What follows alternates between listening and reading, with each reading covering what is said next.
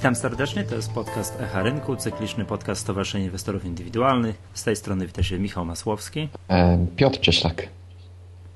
Piotrek, y, witam Cię z urlopu. Chciałem się tylko tak podzielić jedną taką takim spostrzeżeniem, że człowiek nawet na urlop nie może pójść, bo od razu jest krach na giełdzie.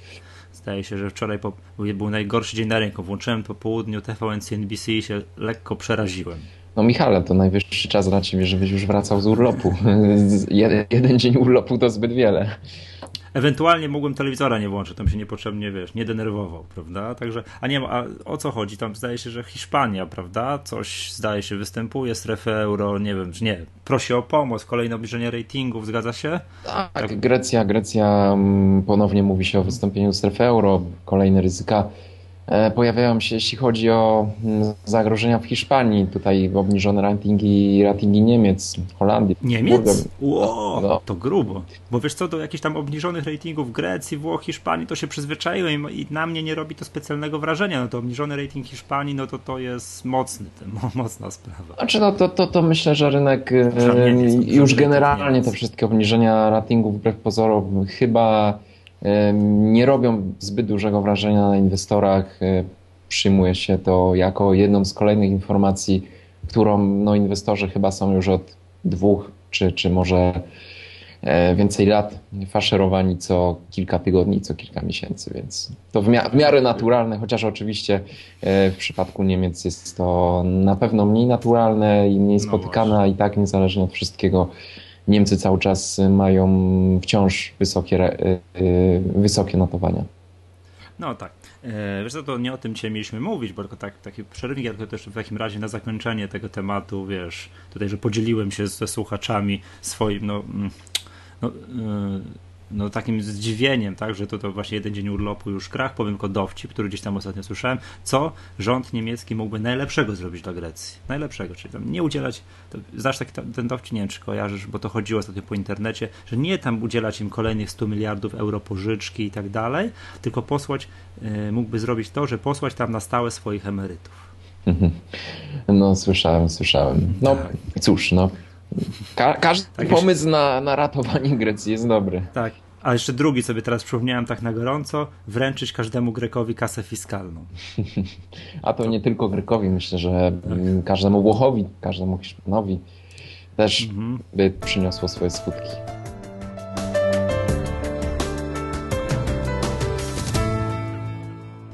No właśnie, dobrze. To, to nie o tym mieliśmy dzisiaj mówić, tak tylko um, chwilowy, tutaj tak humorystyczny przerywnik. Dzisiaj mamy dwa tematy. Chcielibyśmy się z Państwem podzielić jednym spostrzeżeniem odnośnie traktowania inwestorów indywidualnych przy okazji wezwania na azoty Tarnów, niedawno zakończonego hmm, no niepowodzeniem, trzeba sobie powiedzieć, a także potem kilka słów o tym, cóżeż takiego się pięknego, albo raczej mniej pięknego dzieje w spółce BOMI. Zgadza się Piotrze, to dzisiaj te dwa tematy i myślę, że jak zwykle będziemy już z niepokojem spoglądać na zegarek. To yy, Piotrek, yy, miałeś azoty tarotów, odpowiadałeś na wyzwanie? Nie, nie byłem akcjonariuszem, nie odpowiadałem Aha. na wyzwanie.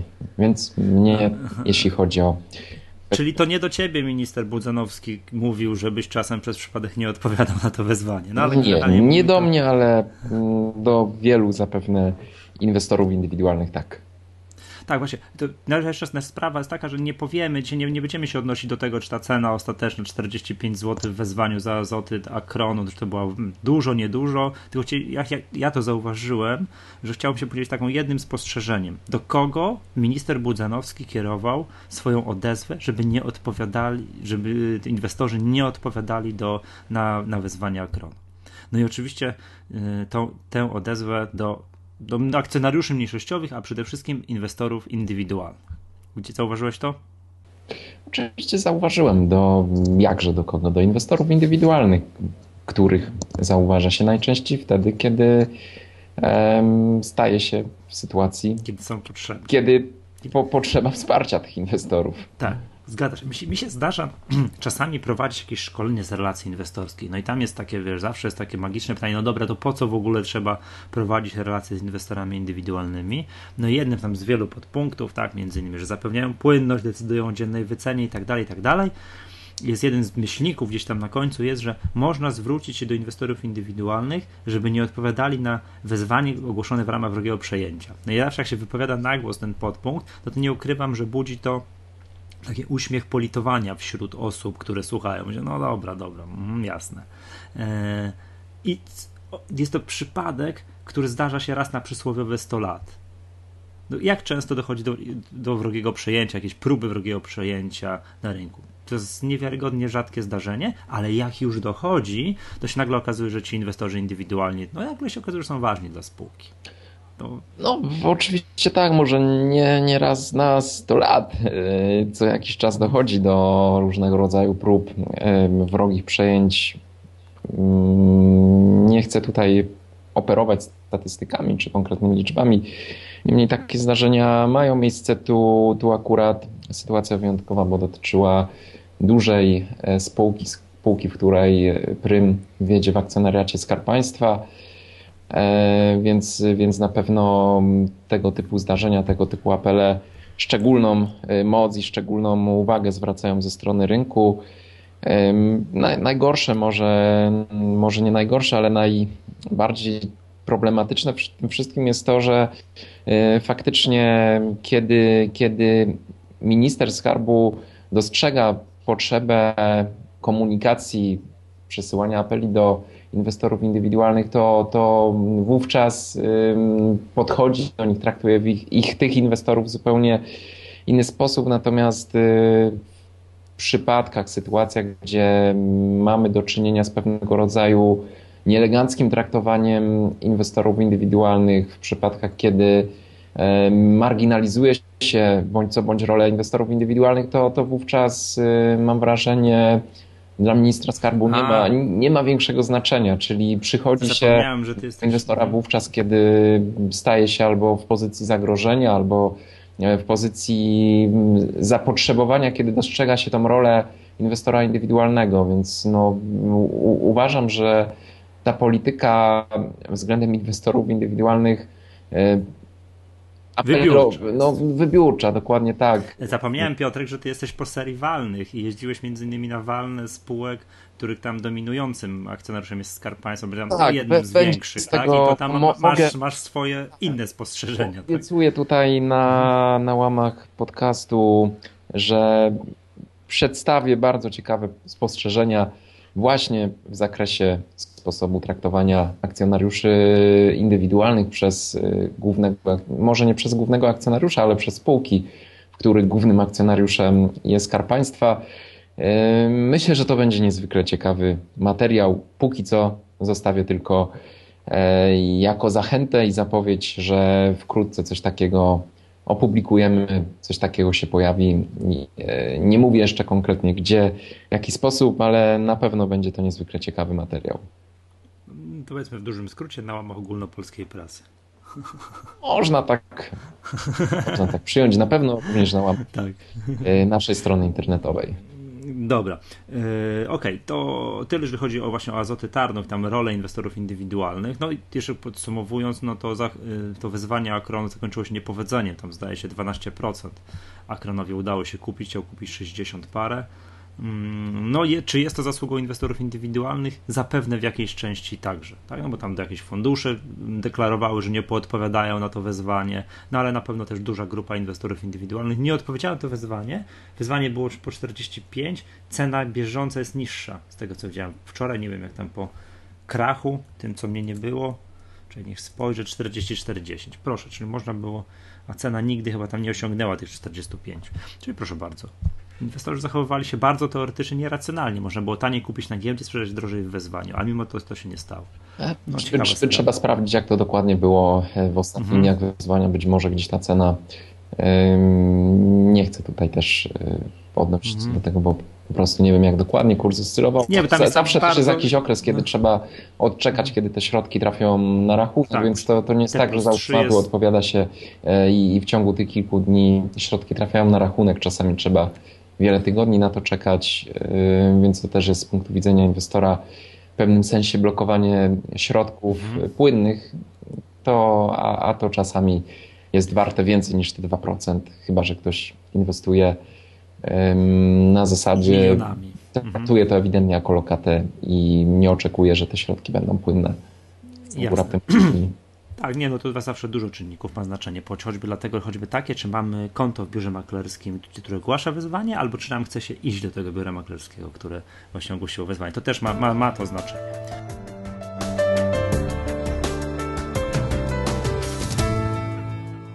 Dobrze, to tyle, jeżeli chodzi o azoty. E, temat numer dwa na dzisiaj to powiemy, co się dzieje w spółce BOMI. Piotrek, co się dzieje w spółce BOMI? Bo ja jak obserwuję kurs BOMI tak od jakiegoś czasu, odkąd się tym zajmujemy, no to gdybym był akcjonariuszem BOMI, to szczęśliwy bym, no szczęśliwy bym nie był. O, myślę, że to delikatnie powiedziane. Pewnie włosy byś sobie z głowy rwał. E, no bywa i tak na rynku, no cóż tutaj powiedzieć. No bywa tak, bywa tak. Niestety jedne spółki radzą sobie lepiej, drugie spółki radzą sobie na rynku gorzej.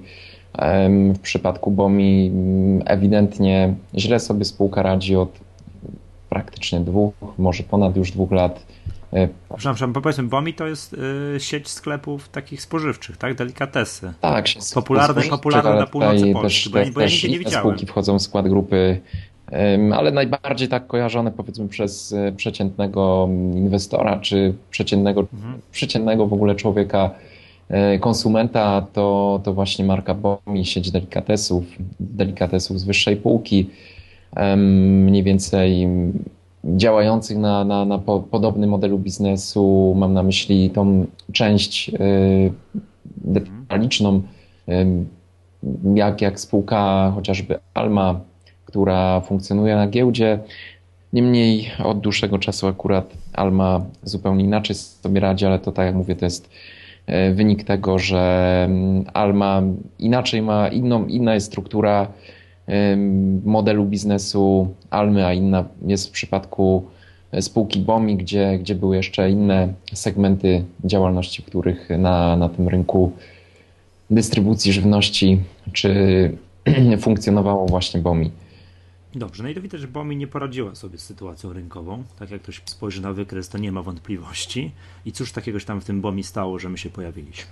Nie poradziło sobie. Jeszcze dodam tutaj może w dwóch słowach, że czynników było kilka, między innymi można tutaj przywołać bardzo wysokie ceny, jakie, BOMI płaciło najemcom za swoje lokale, dosyć drogie, czy nawet bardzo drogie przejęcia, które poczyniło poprzednich latach, które nie, nie do końca mm, efektywnie spółki, które nie do końca efektywnie działały czy też funkcjonowały, do tego przeloty magazynowe, mam na myśli przeloty, mm, odpisy, różnego rodzaju odpisy na e, towary, które albo, albo się nie pojawiały w spółce, albo z różnych powodów du dużo tutaj mówić. No, czy... Myślałem, że powiesz, jak zacząłeś o tych przelotach, że zarząd drugimi samolotami lata na co dzień. Że tak przez chwilę, przez chwilę mi tak zaczęło, jakie przeloty? Czynników jest generalnie bardzo wiele, e, do tego wysokie zadłużenie e, spółki. E, no, no i stało się co stało, czyli wnioski złożone do sądu o, o upadłość układową przez zarząd to, to w ostatnich tygodniach.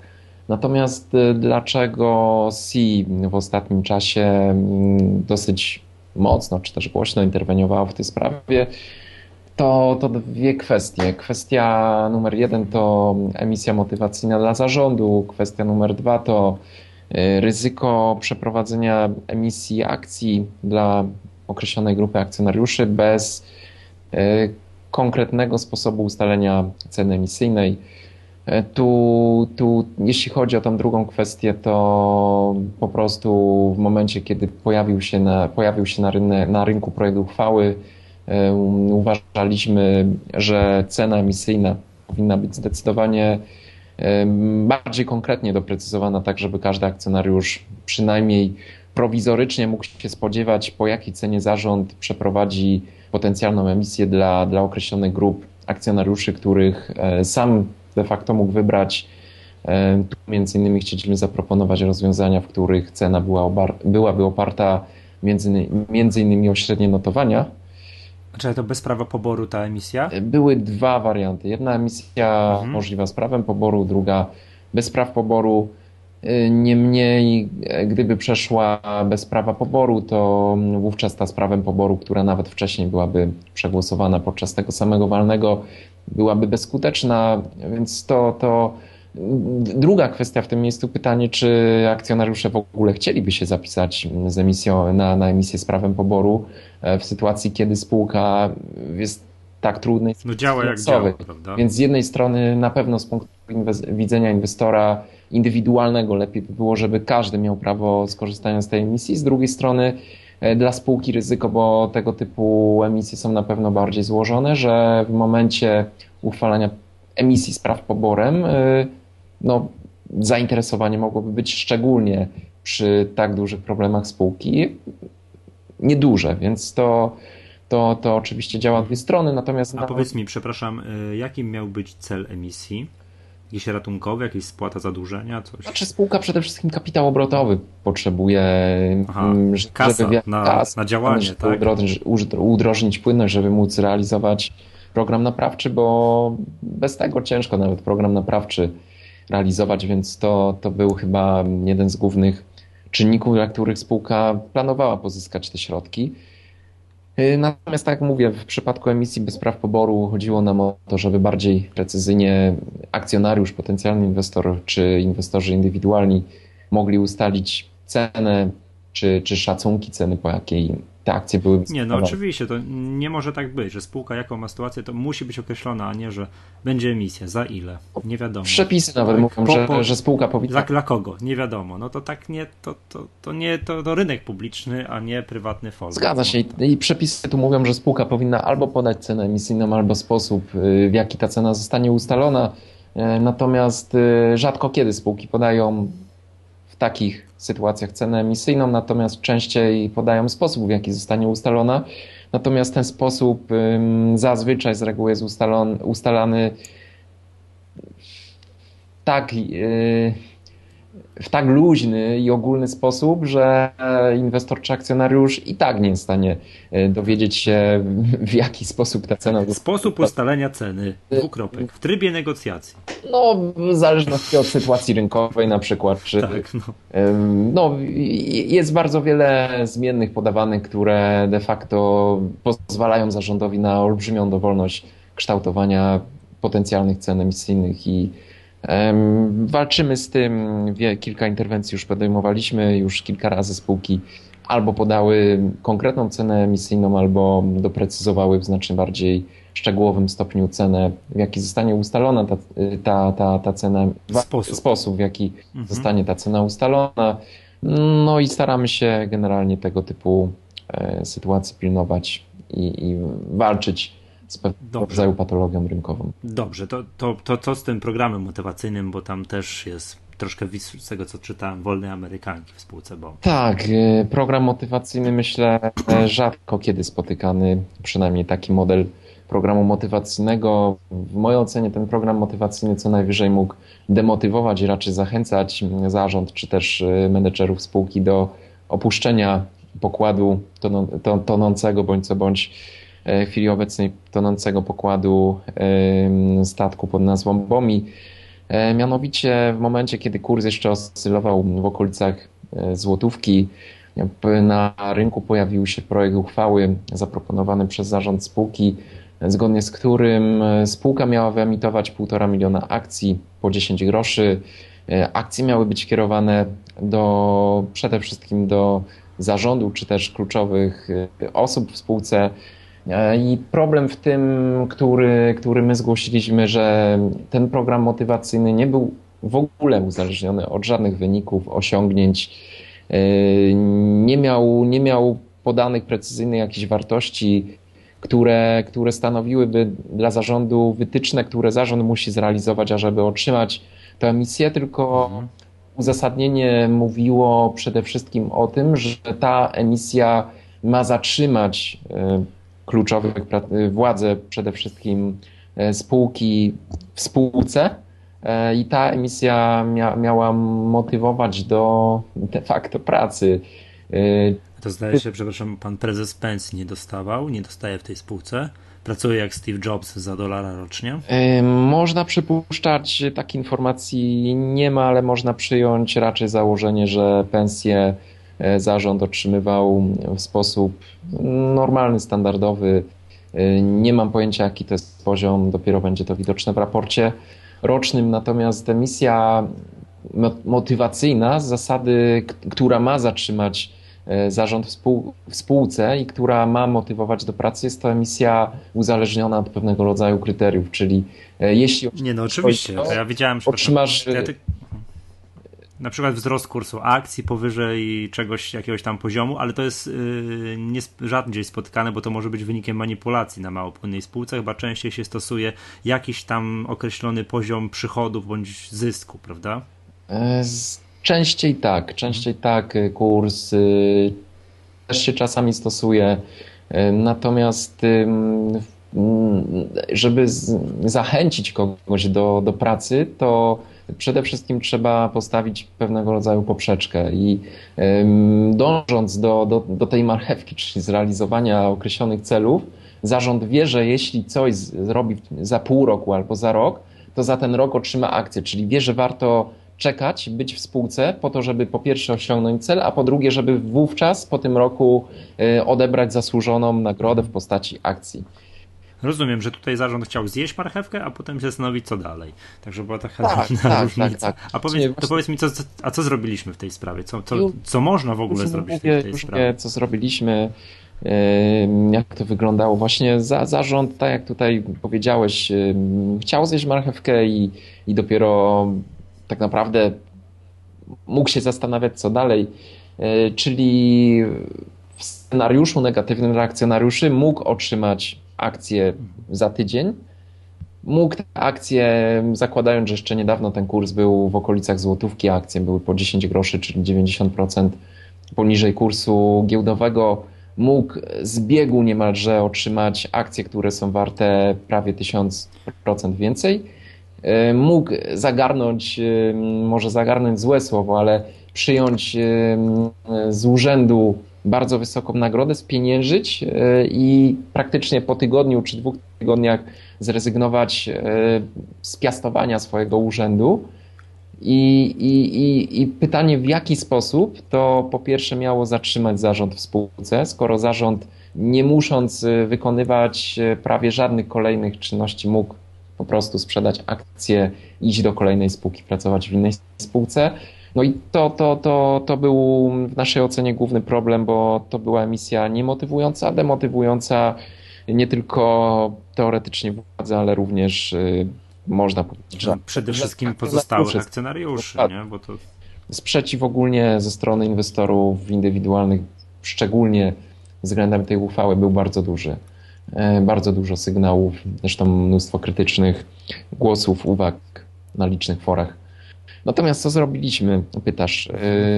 My jako stowarzyszenie chcieliśmy zaproponować zarządowi alternatywne rozwiązanie, które powiązane by było ściśle z określonymi osiągnięciami w spółce. Przygotowaliśmy w związku z tym projekt uchwały na walne zgromadzenie i projekt uchwały, jeden, jeden z warunków, które zakładał projekt uchwały, było to, że spółka, że restrukturyzacja zakończy się wyprowadzeniem spółki na prostą, przez co w uchwale rozumieliśmy osiągnięcie e, zarówno na poziomie EBIT, jak i e, zysku netto dodatniego wyniku.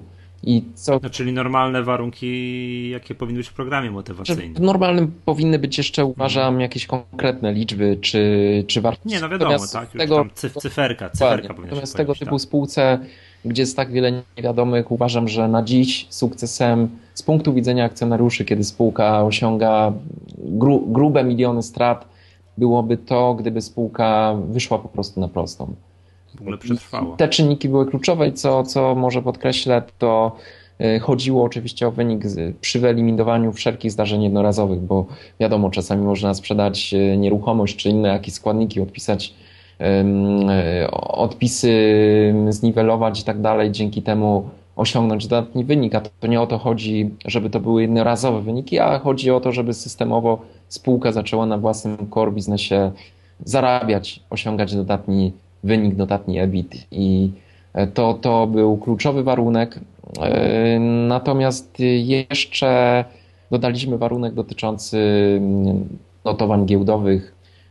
Tutaj, w momencie, kiedy akcje były chyba notowane jeszcze w okolicach złotówki, i mówiło się no, o. W kwietniu, maju. Tak, i mówiło się o. Dzisiaj są po 40 groszy. Raczej negatywnych uwarunkowaniach.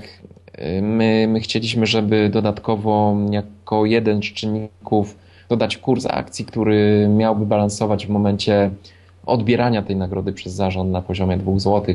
W finalnej uchwale chcieliśmy zaproponować cenę złoty 50 zł E, niemniej skończyło się to w taki sposób, że w momencie, kiedy były, odbywały się już obrady po, po przerwie, przerwa zresztą została ustalona, uchwalona w sposób niepoprawny, stąd kolejne walne musiały być w tym samym celu e, zwołane i okazało się, że zarząd sam stwierdził po, po tych wszystkich uwagach, które zgłaszaliśmy, również uwagach inwestorów indywidualnych, że faktycznie mm, obecny kształt uchwały jest nie do końca e, może poprawny i w sytuacji, kiedy zarząd będzie już w stanie bardziej precyzyjnie takie rzeczy określić czy doprecyzować, to wówczas przedstawi alternatywną, bardziej szczegółową uchwałę, która, no, która myślę będzie miała bliższy związek z uchwałą motywacyjną Dobrze, czyli podsumowując, nie przeszła ta uchwała o tej takim skandalicznym troszeczkę programie motywacyjnym. Uchwała ostatecznie nie była głosowana. No. Zarząd zaproponował, Dobrze. zarząd chyba też na, na zarząd ustosunkował się ostatecznie negatywnie do, do tego, żeby głosować taką uchwałę, natomiast akcent. No zobacz, cóż za, cóż za zaskoczenie. Bardzo dobrze, bardzo dobrze, że, że zarząd wziął sobie do serca głosy rynku, głosy akcjonariuszy, głosy mm, stowarzyszenia. Znaczy, rozumiem, że najzwyczajniej w świecie wstyd im się zrobiło. No. Że ktoś ich złapał za rękę, że próbowali, wiesz, ukraść cukierka z własnego sklepu, tak mówię w dużym skrócie, a ktoś im mówi, o kolego, Popatrz, z własnego sklepu cukierki wynosisz. No nieładnie, nieładnie. Dobrze by było, żeby ten sklep zaczął zarabiać najpierw. Możliwe, że wstyd. Nie, nie chcę tutaj wchodzić no tak. do zarządu. No tak, no bo zobacz, mm. bo co się mogli po prostu akcjonariusze wziąć i przegłosować. Mimo tego, dobra, to stowarzyszenie tam po, po tak, to si coś tam po, po, pogadało, pogadało, my przygłosujemy swoje. A zobacz, mimo wystarczyło, przecież my nie, nie dysponujemy jak, tam nie wiadomo jakim, nie wiem, pakietami akcji. Zakładam, że znowu mieliśmy jedną, dziesięć akcji w tych granicach, tak? Tu, tutaj, tutaj no. mogę dodać, że kluczowy akcjonariusz spółki zgłosił wręcz wniosek właśnie o odstąpienie od głosowania nad tym projektem uchwał. Wszyscy akcjonariusze praktycznie zdecydowana większość poparła ten wniosek, e, więc no, sprawa zakończona. Myślę, jak, najbardziej ok z punktu widzenia akcjonariuszy sukcesem, można powiedzieć. Niech, niech to bomi się wykaraska, to i w ogóle będzie super. Oczywiście, my, my, my, zresztą stowarzyszenie, myślę też, że większość inwestorów indywidualnych jest jak najbardziej za tym, żeby zarząd motywować, jest jak najbardziej za tym, żeby nawet te emisje były po cenie kilkadziesiąt czy gruby kilkadziesiąt procent poniżej wartości rynkowej, natomiast niech to ma związek z faktycznym sukcesem, który e, da również wygraną akcjonariuszom, a nie tylko wygraną, wygraną dla zarządu. Tu nie chodzi o zasadę win jednostronne po stronie zarządu, tylko zasadę win-win, czyli wygrywają dwie strony, wygrywają akcjonariusze, wygrywa zarząd. Wówczas e, myślę, że nikt do, do nikogo nie będzie miał żalu ani uwag. Natomiast e, jeszcze idąc dalej, może słowo a propos kolejnych emisji, które miały być również przegłosowane na tym walnym, ostatecznie te emisje również nie zostały przegłosowane. E, zarząd wyraził opinię, że w obecnych warunkach, kiedy złożone zostały wnioski o opadłość, kiedy, kiedy tak naprawdę jest na dziś ryzyko, że te środki, które akcjonariusze wnieśliby do spółki, mogłyby w masę upadłościową wejść, czyli mm, bez sensu. Do, dokładnie bez sensu, bo, bo nie wiadomo, jak ostatecznie potoczy się sprawa w sądzie. Kiedy z racji tak trudnej sytuacji trudno, trudno nawet na ten moment oszacować, jakie dokładnie powinny być warunki emisji w kontekście tych wszystkich wydarzeń, które się dzieją. Póki co zarząd również rekomendował, sugerował odstąpienie od tego typu uchwał. Zostały one zdjęte e, z porządku obrad. przez głosowanie. Zobacz, Więc... zobacz, ile czasu by zaoszczędzili, jakby zamiast głupotami, czyli programem motywacyjnym dla siebie, który nie był programem motywacyjnym, jakimiś yy, no, okazuje się nieracjonalnymi tutaj emisjami akcji zajęli się robotą ile to czasu musi pochłaniać, nie? Takie rzeczy, przygotowanie walnego, zgłaszanie tych wniosków, tego wszystkiego opisania. To sami wiemy, że to, to się nie pisze, tak wiesz, za 15 minut, tylko to jest trochę roboty papierkowej, prawnej. No to, to zajmuje czas, mhm. prawda? Ile czasu by zaoszczędzili, gdyby się w tym czasie zajęli cięciem kosztów, nie wiem, żeby te, te sklepy lepiej funkcjonowały. Prawda? Zapewne przypuszczam, że tego typu działania były na bieżąco realizowane. Tutaj nie można podważać, że takie rzeczy, działania nie były realizowane.